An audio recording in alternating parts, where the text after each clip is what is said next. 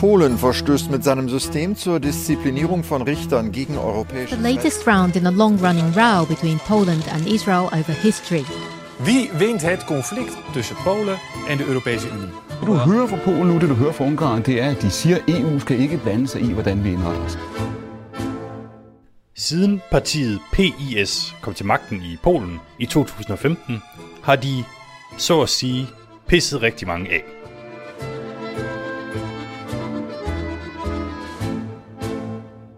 Lov- og retfærdighedspartiet, som det hedder, har lagt sig ud med EU og unionens centrale spilleregler. De har fået israelerne og nordmændene på nakken, og har heller ikke lige frem gode venner mod øst. Men nu er det lige pludselig landets allervigtigste allierede, USA, der har fået nok. Amerikanerne er bekymrede for, at en ny medielov vil gøre det af med pressefriheden i Polen. PS mener, at det er en stor misforståelse. Hvad går den kontroversielle lov ud på? Tør de gennemføre den og risikere amerikanernes vrede? Og hvad er målet egentlig, når PS lægger sig ud med sine allierede? Det spørger vi om i dagens udgave af Kontinentet på Radio 4. Jeg hedder Mads Anneberg. Velkommen til.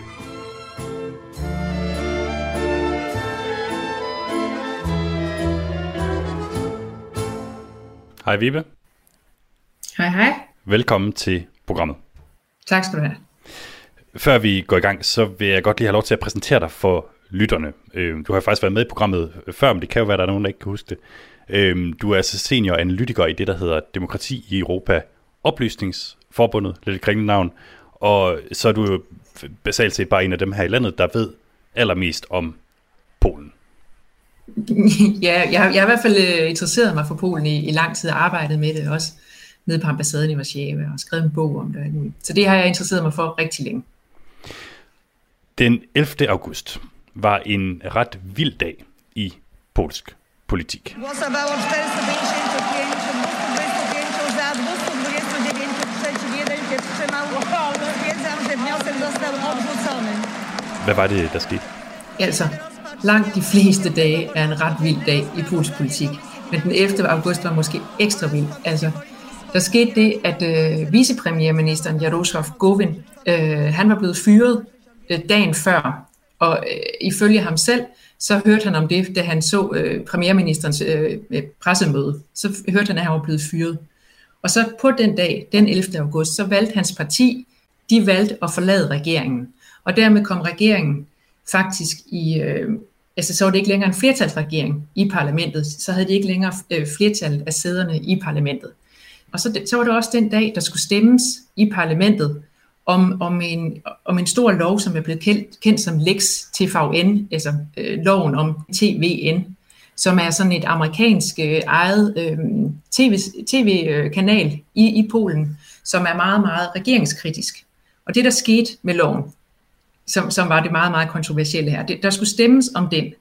Og så fik oppositionen mod regeringen, de fik gennemtrumfet, at der ikke skulle stemmes om den her lov nu her. De fik gennemtrumfet, at det skulle man vente med til den 2. september. Og så parlamentsformanden, som, som også er fra Lov- og Retfærdighedspartiet, øh, altså fra regeringspartiet, hun, hun besluttede lige pludselig, at det skulle man ikke. Øh, det havde hun nok fået at vide fra partiformanden. Og så blev den taget om, og så blev den faktisk vedtaget, den her lov. Og så Govin, der er blevet fyret dagen efter, han beskyldte jo, øh, han, han sagde, at regeringen havde, altså Lov- og Retfærdighedspartiet havde, havde øh, tilbudt hans medlemmer af hans lille parti alle mulige, altså ministerposter og penge til deres regioner og Oppositionen beskyldte parlamentsformanden, der lige pludselig skulle have en anden afstemning, fordi det ikke blev, som hun gerne ville have det. De beskyldte hende for at lave et statskup, og folk samledes ude foran, sig, øh, uden foran parlamentet og begyndte at demonstrere. Og, og, altså, det var vildt vild kaos. Ja, det lyder som om, der er en vis underholdningsværdi i, øh, i polsk politik. ja, jamen det er der. Never a dull moment.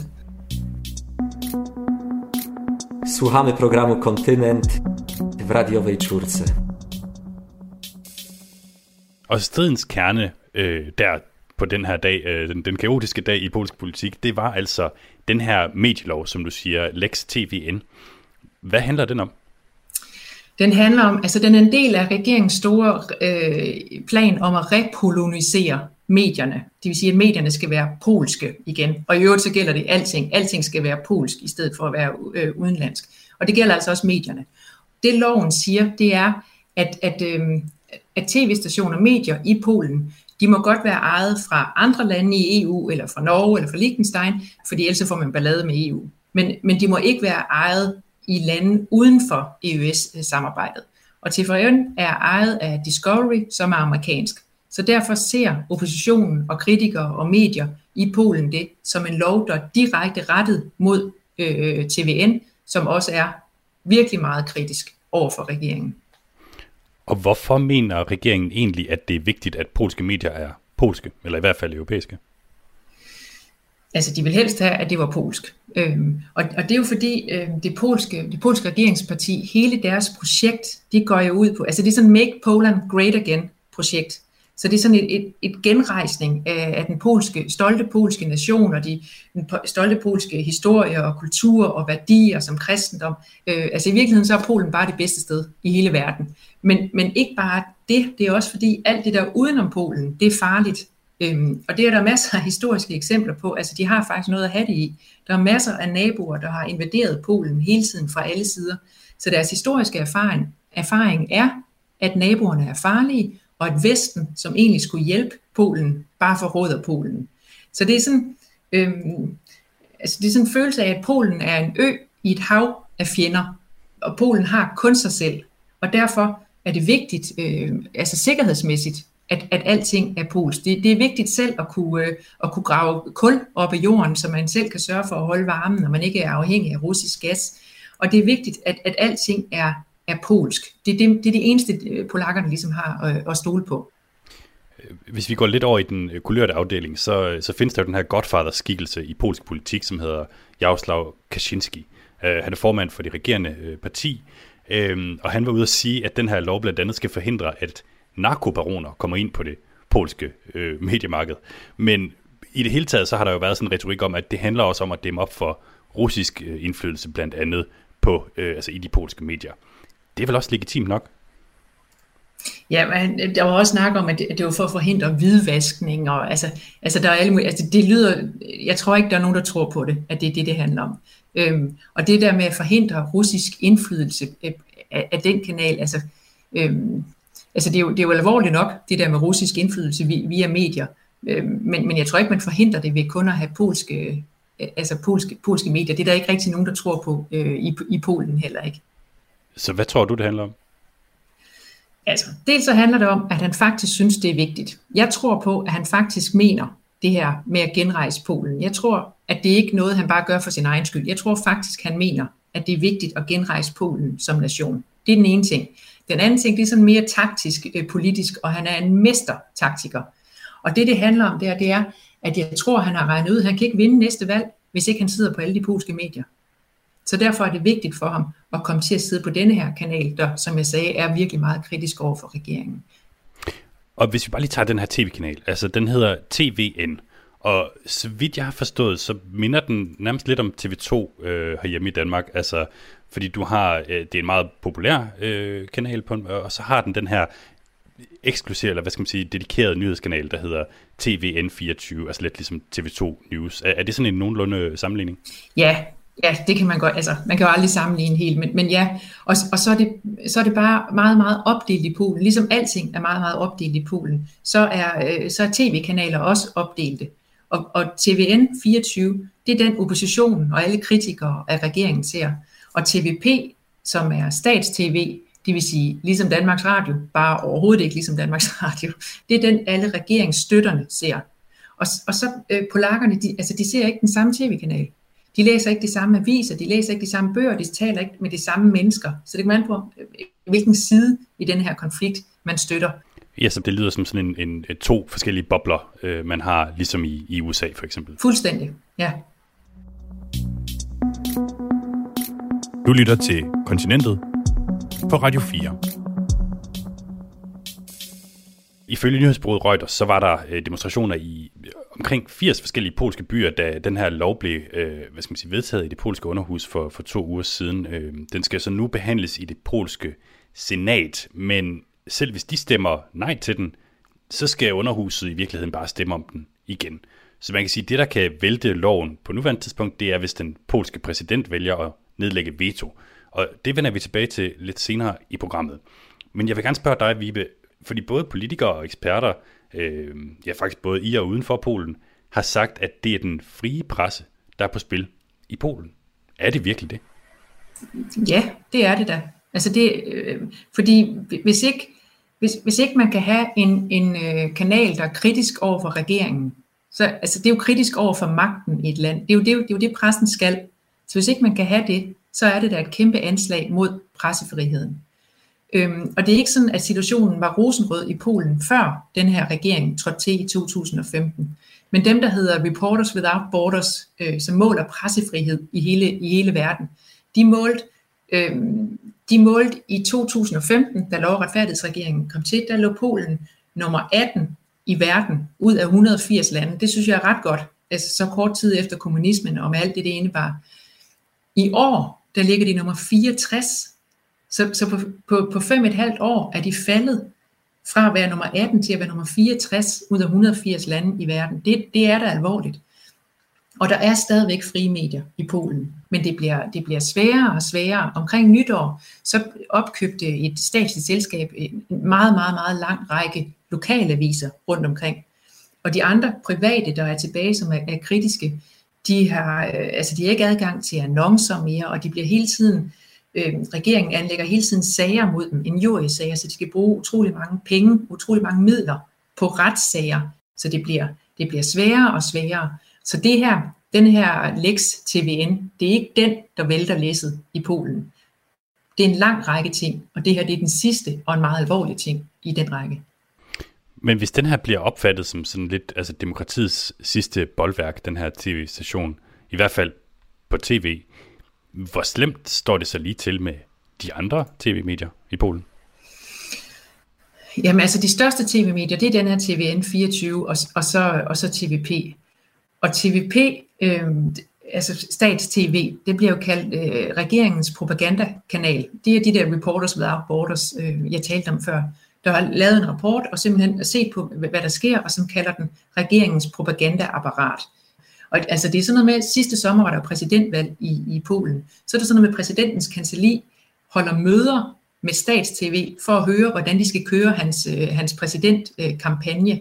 Og nogle af alle de altså, øh, altså overskrifterne, der var øh, om, om, om præsident Duda fra Lov- og Retfærdighedspartiet, var overvældende positive. Mens der var ikke ret mange modstandere, og når, og når der var noget, så var de meget, meget negative. Faktisk, Donald Tusk, som er en af hovedmodstanderne af, af Lov- og Retfærdighedspartiet, han er lige vendt tilbage til polsk øh, politik.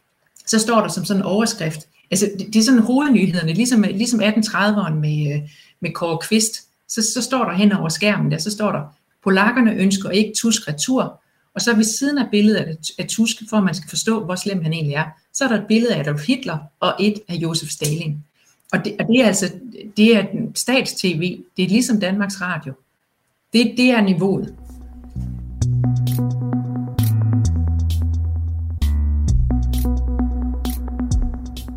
Nu skal vi høre et indslag med en mand, som hedder Marcin Kasala. Han er polsk født, men bor i dag på Amager, og han er en af dem, der støtter det polske regeringsparti PIS. Min kollega Jeppe Rets Husted tog hjem til ham for at gå på opdagelse i den polske tv-pakke. Jeg har aldrig været noget te. Er det rigtigt? Ja! Yeah. Men det er det, jeg siger. Men mindre du er gaffet, men altså når man kommer til, på sin polsk hjem, så får man te. er det en bestemt form for polsk te? Jeg ved ikke, nej, det er ganske almindelig Earl Grey, ja, ja. som skulle være altså mere... Computeren står allerede klar på bordet i København og Via en tv-platform på internettet har Massin adgang til et væld af polske kanaler. Regeringsvenlige og oppositionstro. Så det, hvordan jeg kom til Danmark, det skal du næsten spørge mine forældre om. Det var ikke min beslutning. Jeg blev bare taget med som en slags håndbagage, dengang øh, der var et øh, øh militær øh, regime i Polen under Jaruzelski, øh, hvor min far øh, kom her og har fået en politisk asyl. Og så kom jeg sammen med min mor som øh, på et familiesamføring. Marcin blev hængende i Danmark. I dag er han i 50'erne, men følger stadig Polen hver dag. Så du har de forskellige polske kanaler her, altså TVP1'eren, TVP2'eren, det er de to statslige. Øh, Polsat øh, er også blandt de mest populære. Det er sådan mere, jeg ved, jeg ved ikke, det er sådan mere neutral, objektiv, og Det er så øh, regeringskanaler, og så er det oppositionskanalen til FVN selvfølgelig. altså, og i Danmark der har du bare øh, DR1 og TV2 News, og, og, og så er det Basta, ikke? Øh, I en stor land, mange andre muligheder. De mange polske tv-kanaler konkurrerer om seerne om eftermiddagen aflyser den ene nyhedsudsendelse den anden. Statskanalen TVP1 kommer først med Teleexpress kl. 17. Marcins faste ritual. Så folk kommer hjem, ikke? Og, og det første, de siger, det er Teleexpress. Det er sådan en øh, kanal, eller den her program, som var kun øh, 15 minutter og, og dækker sådan en meget hurtig oversigt over alt det, der foregik i løbet af dagen. Øh, mm, og den er ikke særlig tung, øh, alvorligt, altså med debatterne, og at man prøver at kommentere tingene. Nej, man, det, man kommer med sådan en, en hurtig info, og så til det næste emne, og til det næste emne. Det ser vi også levende. Det store nyhedsslag mellem statskanaler og den private TVN findes længere ned i tv-oversigten. Her, 1930, og det er det, som øh, øh, opposition beskylder øh, regeringen, at det er altså mere eller mindre deres propaganda øh, news, de sender kl. 19.30. Så hvis man ser øh, den klokken 19 på øh, TVN, og den kl. 19.30 på program 1, så vil de være noget forskellige? To forskellige lande. Altså ligesom man både, altså to forskellige lande er jo to forskellige øh, verdener faktisk mange gange. Altså det er de samme emner, der bliver bare fortalt fra to forskellige vinkler. Hvad for en er du enig i, hvis du er enig med nogen af dem? Altså jeg, som jeg sagde, jeg har levet i, i, i efterhånden så lang tid, at øh, jeg har været igennem hele spektrum af alle de her kanaler, altså både TVN, Polsat, øh, TVP.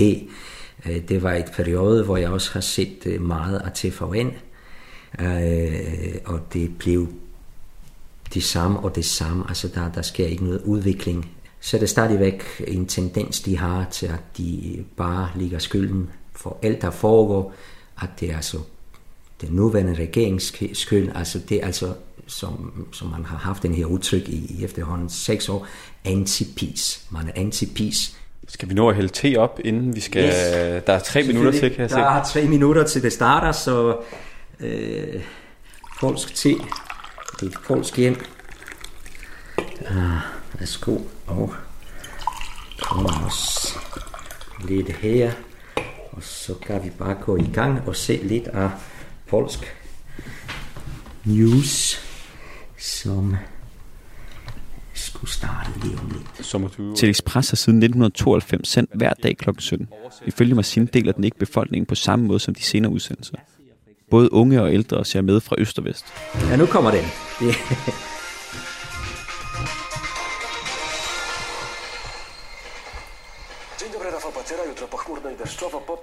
lidt om vejr i første omgang, hvor vejrforholdene vil være. Og så kommer der en hurtig oversigt over de nyheder, der kommer bagefter.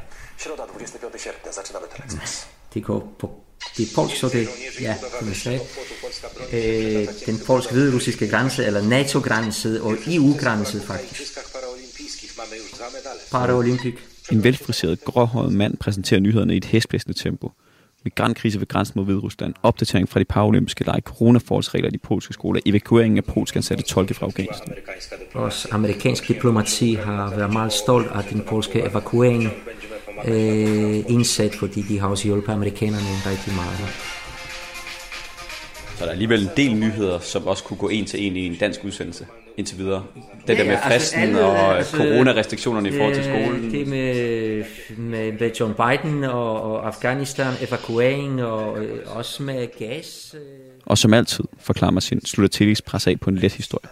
I dag en kat, som er flyttet ind på et bibliotek. Læser han Shakespeare for? Okay, okay han, han elsker Shakespeare. Do zobaczenia. Seriously. Mm-hmm. Det er signal øh, mig mellem at identificere alle polakker. Lyden der. Det er lyden der. Til Express hører til den lette, informative ende af nyhedsspektret. Der er ikke hverken ensidig ros af pis oplæst efter diktat eller voldsomt kritiske interviews med regeringen. Jeg spørger mig sind, hvad han selv som PIS vælger og tidligere ser den private ejet TVN, mener om den lov, regeringen indtil videre har fået stemt igennem, i hvert fald det polske underhus.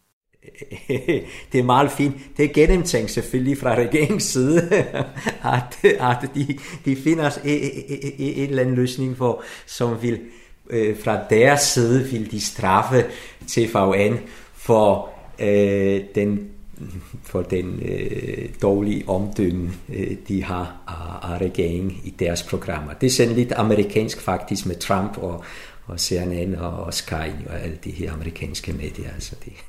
Men hvordan, hvordan har du det med det, at, at regeringen gerne vil, vil, vil straffe nogen, som, øh, som går lidt øh, for ensidigt kritisk i dine øjne altså, til dem? De argumenterer det med, at, øh, og det har de også øh, en god argument for, at øh, i andre lande, der beskytter man sin egen medier. Det har man også i Danmark, det har man i Frankrig, det har man i andre, mange andre lande. Så nu prøver man at stabilisere faktisk Okay, det, vi starter. Mm-hmm. Det næste udsendelse går i gang. Denne gang Panorama på TVP2. Og sådan kan en aften gå. Tusind tak for, at du vil øh, se øh, polske øh, tv-nyheder sammen med mig. Ja, det er mig, der siger tak, at du vil se en polsk tv-news sammen med mig, fordi der, at jeg siger polsk tv, det, det er ikke noget særligt, men at du er kommet for at se en polsk Tele Express, ja, det, kunne jeg bare være meget taknemmelig for, at du kom igen.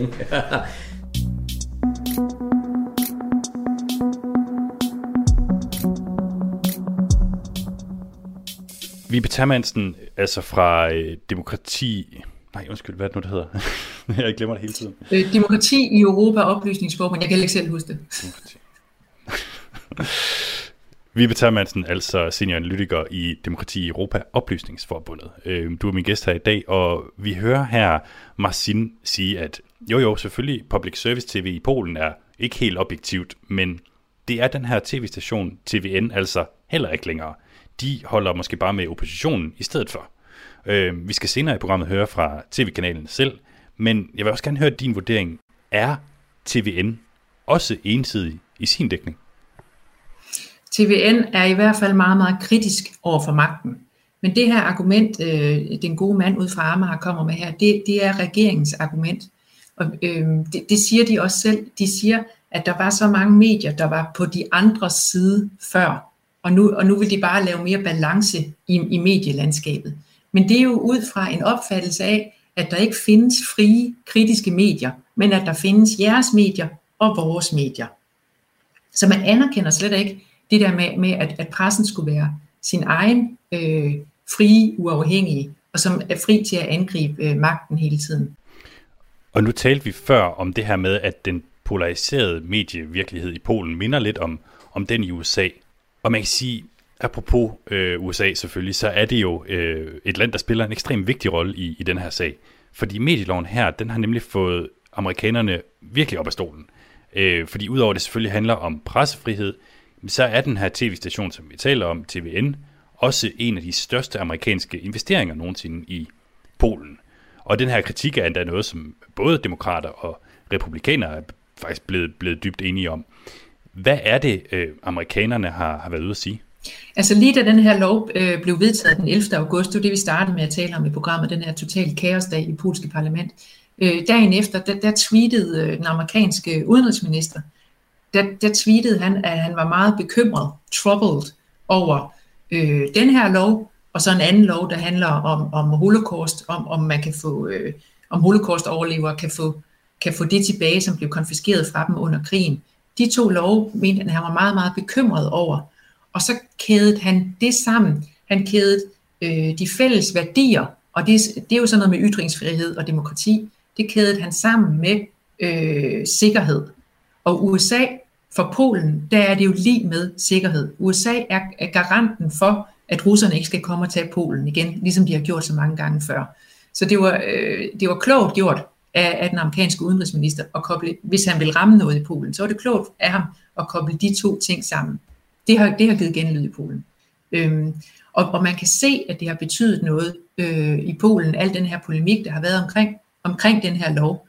Fordi øh, præsidenten, præsident Duda, har øh, i denne her uge, der har han bebudet, at det ikke er nogen smart lov. Øh, og, og når det ikke er det så, er det, så er det på grund af forholdet til USA. Han, han siger, at det er dumt at gøre vores øh, partnere, altså i USA, øh, sure over det her. Den her amerikanske øh, kritik af Polen, har vi set noget, noget lignende før?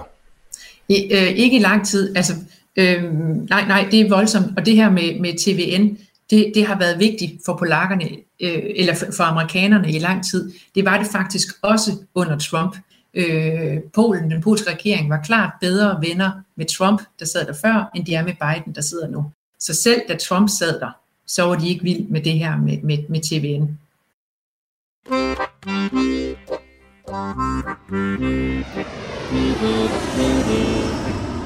Let Europe arise. We love Europe. I love Europe anyway. I love it. Il faut entendre la colère des peuples d'Europe aujourd'hui. Słuchamy programu Kontynent w radiowej czwórce. Du lytter til Kontinentet på Radio 4. Et udlandsprogram, hvor vi kun fokuserer på vores egen europæiske andedam. Jeg hedder ganske apropos Mads Anneberg, og i dag beskæftiger vi os her i programmet med en ret spændende tendens. Nemlig, hvordan den nuværende polske regering er blevet mester i at skaffe sig uvenner.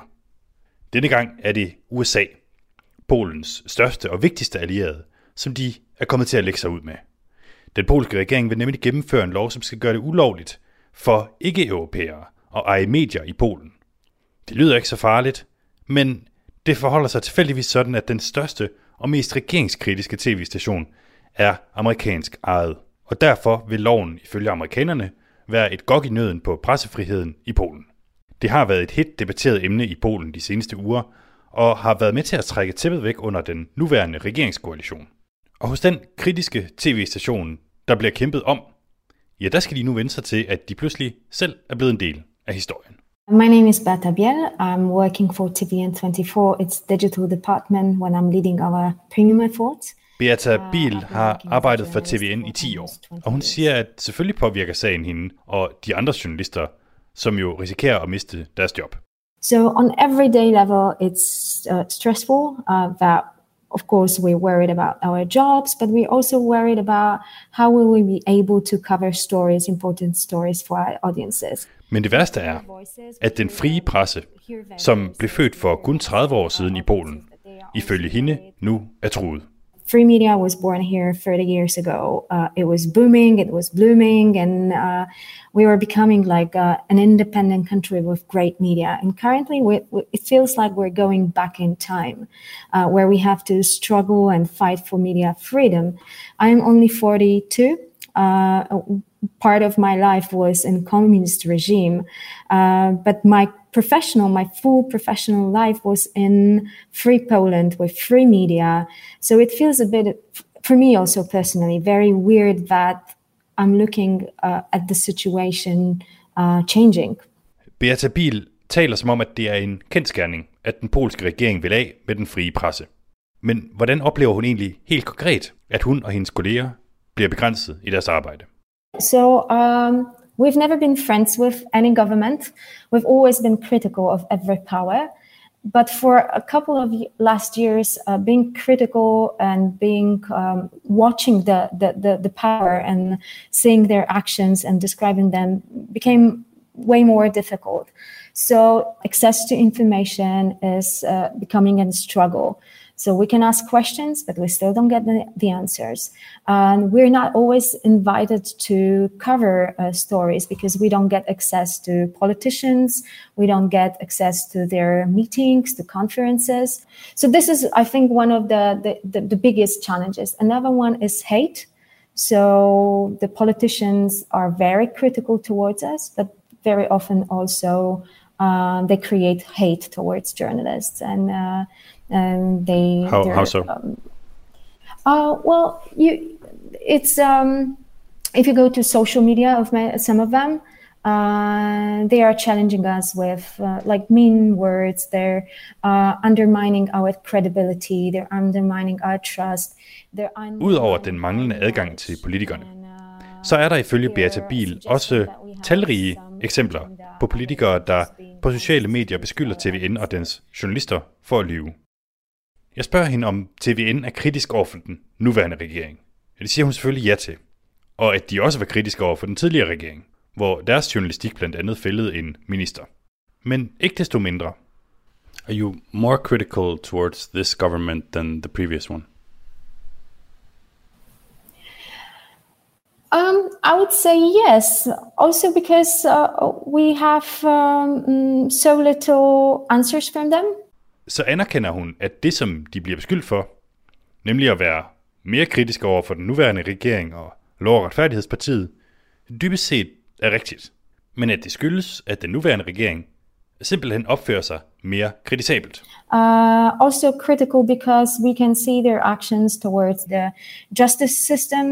Um, so, so this might be yes. I, I guess this is true that we're more critical. Uh, as saying we're critical towards every uh, every power if there is a reason to be critical, but since this government doesn't talk to us, this government doesn't talk to the people sometimes in the way it should uh, then we have to uh, take a stand and show it through our journalism. For this program, we also talked to um, a Polish man living in, in Denmark. Uh, he believes that TVN has become more partial, more one sided in its coverage since this government. Given what you said about, you know, being more critical towards this government, is he to some extent right? It's always, I think, a bit of short memory um, because uh, this government has been in power for six years. So obviously, what people see is us being critical towards them.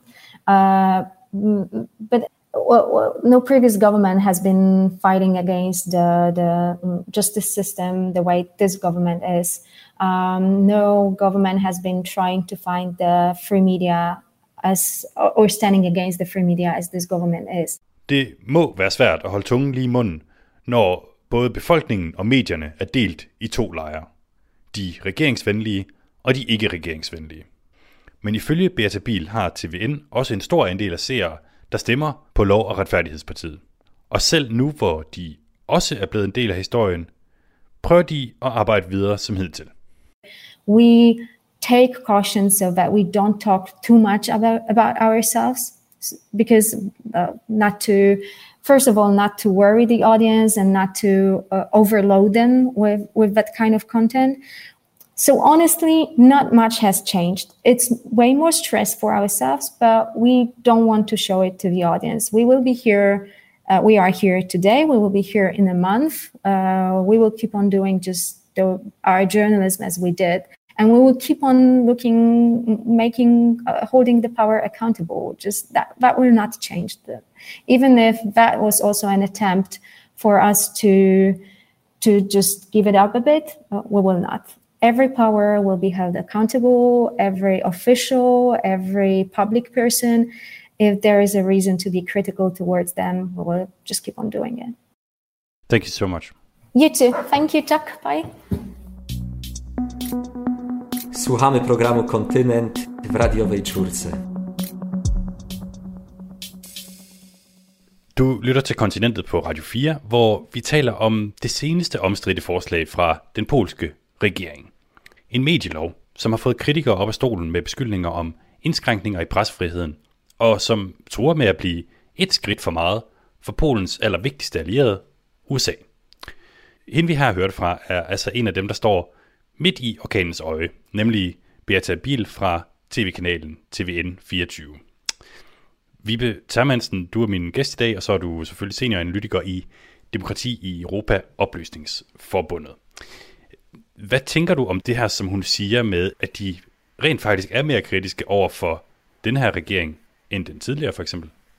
Jamen det synes jeg, der er, en, øh, det synes jeg er interessant, og det synes jeg er meget, meget ærligt. Øh, og så tænker jeg, at, at det er vigtigt, hvis, hvis man gerne vil have et demokrati, så synes jeg, det er vigtigt at have plads til både dem, der, dem, der er kritiske over for en, og dem, der ikke er kritiske over for en. Det er jo sådan lidt en slags lakmusprøve på, om man har øh, et demokrati eller ej. Og så det, hun siger med, at, at der er mere ved denne her regering at være kritisk overfor, end der var ved den tidligere regering. Det er hun jo ikke enig om at mene. Det, det er der jo en lang, lang række øh, NGO'er, øh, organisationer, øh, der måler på demokrati og på retsstat og på menneskerettigheder, og øh, som mener det samme som hende. Og EU-kommissionen øh, og EU-parlamentet mener jo også det samme øh, som hende. Men, øh, men det er rigtigt, at de er meget, meget kritiske overfor, overfor den polske regering. Vi, nu nævner du EU, øh, og det er jo en, øh, en, en dejlig bro øh, til simpelthen det, det næste, vi skal tale om. Fordi det her det er selvfølgelig ikke første gang, at den polske regering har været lidt øh, egenrådig, eller har, øh, hvad skal man sige, pisset nogen af. Nu skal vi simpelthen lige gennemgå, hvordan PIS-partiet, siden det kom til magten i 2015, har skabt røre både i og uden for Europa. Øh, faktisk allerede i slutningen af 2015, så begynder der at opstå en konflikt med EU, fordi den polske regering gerne vil reformere retsvæsenet, altså domstolene. Og i den danske presse kan vi jo så læse i løbet af de øh, kommende år overskrifter som EU i konflikt med Polen, kolon, domstol skal sikres uafhængighed nu, og er Polen på vej til at afskaffe demokratiet. I 2015 der er der også allerede en anden medielov, som giver anledning til, til knidninger, og de her kampe mellem EU og Polen fortsætter jo hele vejen op til nu i dag. Øh, så sent som i sommer øh, lagde EU øh, et helt andet øh, kort på, på, på bordet. Øh, de lagde sagen mod Polen for ikke at sikre LGBT-personers rettigheder. Øh, Vibe Termansen, det, det er jo lidt en Pandoras æske med det her emne. Ikke? Altså, der er jo tusind forskellige øh, flanker i, i den her konflikt mellem Polen og EU, men overordnet set, hvordan vil du beskrive forholdet lige nu mellem EU og Polen? Øh, ja, enten så kan man se på det øh, sådan rent formelt, og så er der ikke sket noget som helst. Så har, Pol, øh, så har EU råbt og skrejet i overvis, og der er ingenting sket, fordi den polske regering, øh, de bare rækker den midterste finger op imod, det, der kommer fra EU. Eller de siger, at det er øh, at EU det er sådan en forsamling af, af venstreorienterede, radikale, liberale, skøre ideologer, som kun forfølger Polen af ideologiske årsager. Så det er den ene måde at se på. Den anden måde, det var, er, at hvis man vil se på, hvilken form for indflydelse man får i EU, så går det jo rigtig skidt for Polen lige nu her. Man var begyndt at tale om, at man kunne få sådan en akse. Hvis nu, hvis nu Frankrig og Tyskland og Polen og Storbritannien stod sammen, ikke? så havde vi sådan en akse, og så kunne alting ske øh, i EU. Så, øh, så forlod Storbritannien øh, unionen, og så gik Polen en helt anden vej. Og, og den der akse, altså, den, den taler man jo ikke om mere. Så overordnet set, så, øh, så er der modvind for Polen i EU nu. Hvad hedder det? Så vidt altså EU, øh, Vibe Termansen.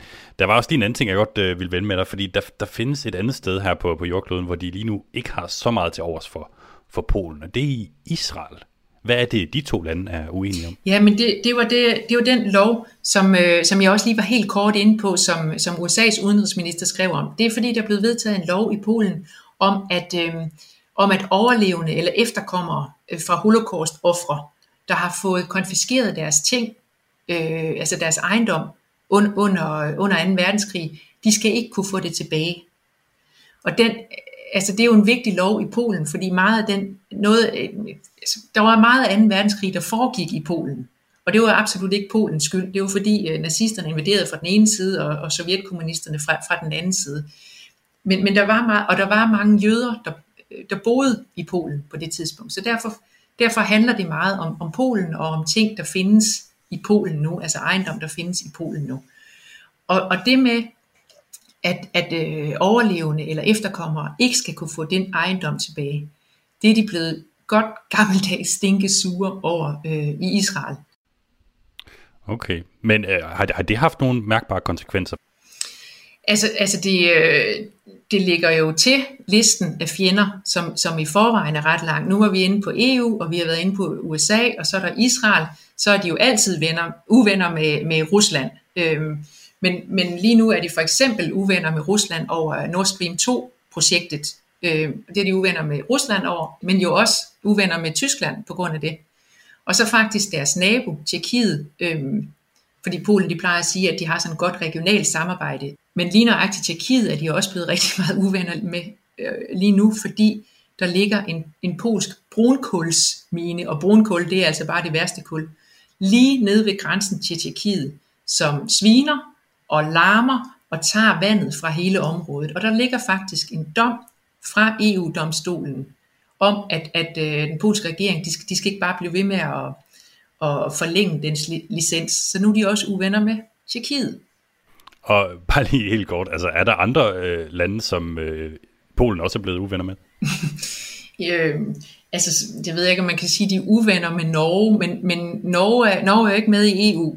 Men Norge har øh, en vidunderlig masse oliemilliarder, og når man har det, så, så kan man jo bruge det til at drive politik også. Og de der oliemilliarder har øh, Norge blandt andet brugt til at uddele som sådan milde, generøse gaver rundt omkring til at støtte øh, demokrati og den slags.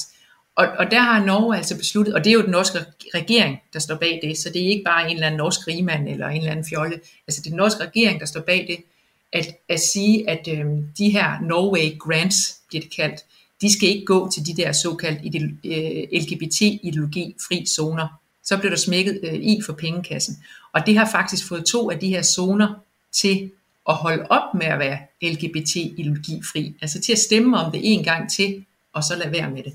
Så det var igen et eksempel på, at uh, it's the economy stupid. Altså pengene, det er det, der virker. Du lytter til Kontinentet på Radio 4.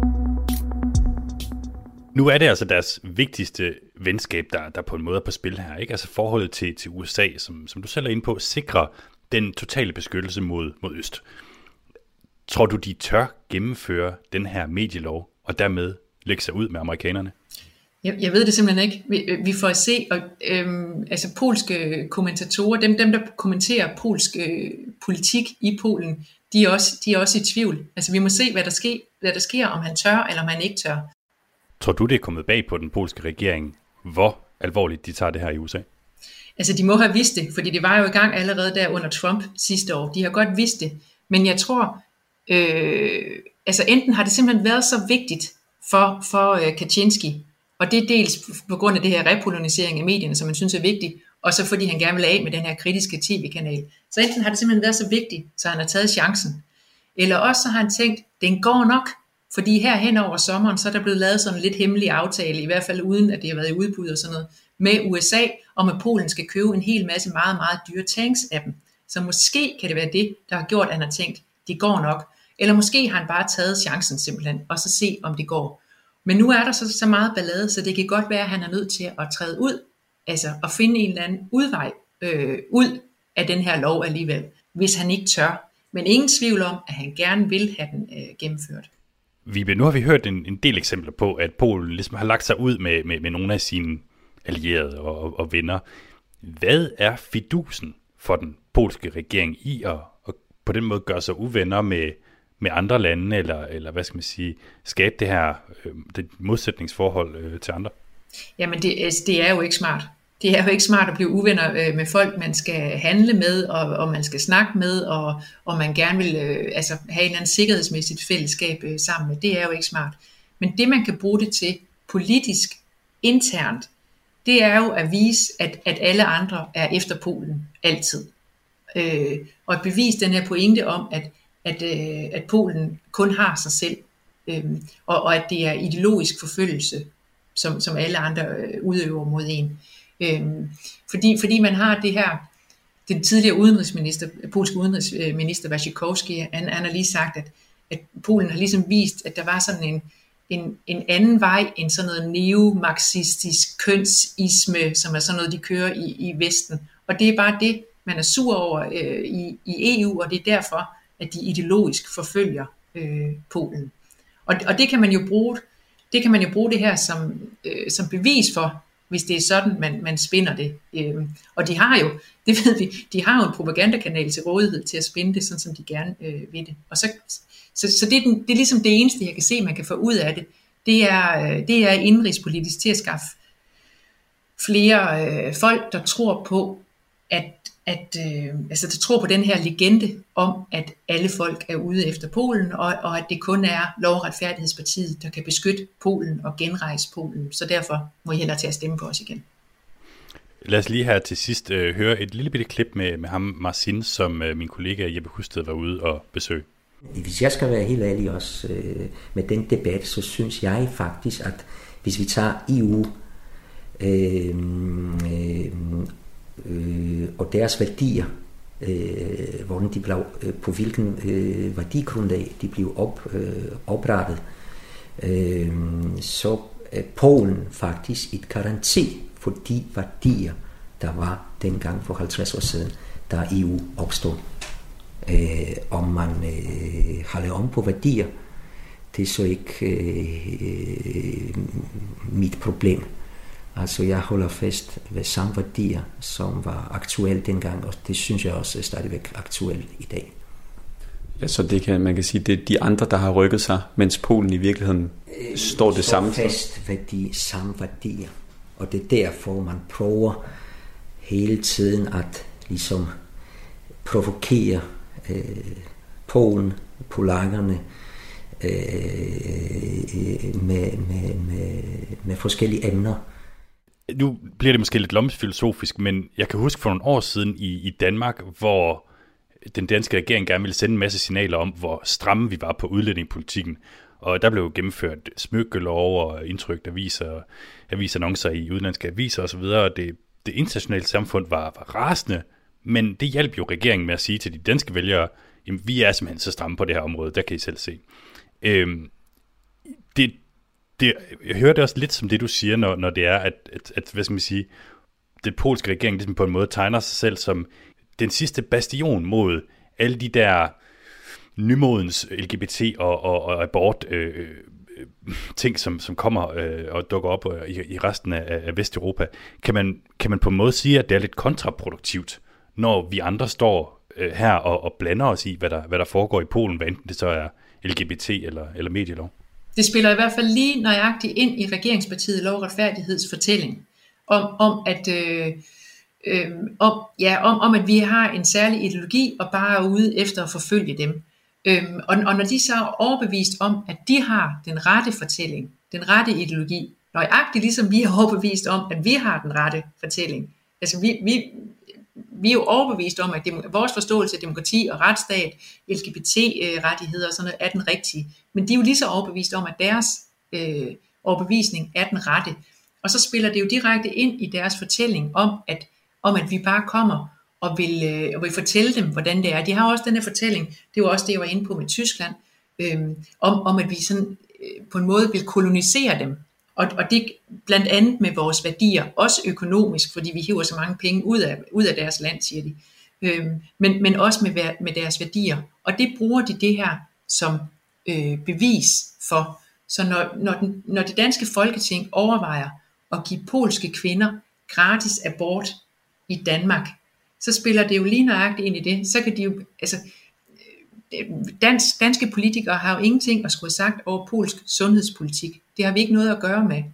Men, men når vi alligevel vil blande os i det, så kan de jo bruge det til at, at, at sige, at vi kommer bare herop fra og vil blande os i det. Og det han sagde her med, med at, at det er dem, der holder fast i de ægte europæiske værdier.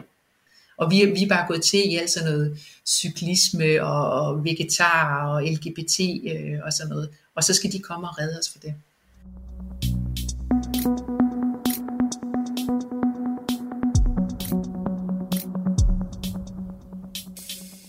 Vibe, vi har talt om den polske regerings ydre modstandere, men som vi startede med i, at, at, at ligesom sige i det her program, så er regeringskoalitionen jo faktisk kollapset. Øhm, hvordan ser det ud for PIS, øh, Lovretfærdighedspartiet, internt i Polen? Altså, der var parlamentsvalg i efteråret 2019, det vil sige for næsten to år siden. Og der fik regeringen 43 procent af stemmerne. Men siden da øh, er det faktisk gået nedad for regeringspartiet for lov og retfærdighed. Og, og det sidste, jeg så, sådan en samling af, af meningsundersøgelser af mange forskellige, ikke? Så, så man får sådan et samlet billede af det, det er, at de nu her ligger på omkring 32 procent kun. Så det er jo markant mindre end 43 procent. Og der, hvor det virkelig knækkede, det var sidste efterår. Det var der med abort, øh, de facto abortforbuddet. Der styrtdykkede det, og så de simpelthen ikke kunne, kunne komme op igen. Øh, og, og det der med, at der var stor ballade i, i den polske regering lige nu, altså det er der jo altid. Det var der også, det har der også været, det var der også øh, sidste efterår, øh, og det var der i foråret, og det var der sidste, ved, forrige forår, altså det, det har der været hele tiden. Men det betyder ikke, at de er gået ned på 32 procent. Det betyder ikke, at der er en stærk samlet opposition imod dem, et troværdigt alternativ til denne her regering. Donald Tusk er kommet tilbage i polsk politik, og det har været rigtig godt for hans parti, øh, borgerplatformen. men, men de stemmer, han har hugget, altså, så hans parti er, er, er steget i meningsmålingerne, den har han hugget fra andre partier i oppositionen. Det er sjovt, fordi det siger han nemlig også ham der, øh, som min kollega var ude at tale med, at det er jo ikke noget tilfælde. Altså, at øh, lov og retfærdighed har jo vundet de sidste 5-6 øh, valg, der har været, ikke? Og, og, og det er jo fordi, der ikke er noget godt nok alternativ, må folk jo tænke. Altså, ja. Men det er meget interessant det der med, at, at Tusk faktisk tager fra, altså, kanibaliserer lidt på, på, på oppositionen. Ikke? Altså Tusk, Tusks parti der, øh, altså de havde jo regeringsmagten to perioder før øh, lov og retfærdighed. Og, og det de gik på valg på, det var, at de ville sørge for varmt vand i, i hanerne til polakkerne. Det er fandme ikke særlig sexet. Altså. Og, og øh, lov og retfærdighed, de kom med en helt ny vision for Polen og for Europa og for verden. En, en helt ny måde at se det hele på. Ikke? Plus de delte penge ud til børnefamilier og, og, og pensionister og alle mulige. Ikke? Pludselig at få råd til at købe nye sko til børnene. Det kan man da forstå. Ikke? Men det, det er noget andet, end at skulle gå på gaden for at, at demonstrere, for at kæmpe for, for noget, der hedder retsstat. Vi Thermansen, tusind tak, fordi du vil være med her i programmet. Selv tak. Det var en fornøjelse. Altså senioranalytiker i Demokratiet, nej, undskyld, Demokrati i Europa Oplysningsforbundet hedder det. Det skulle I overveje at, at skifte. øhm, igen, mange tak. Ja. Ja. Selv tak.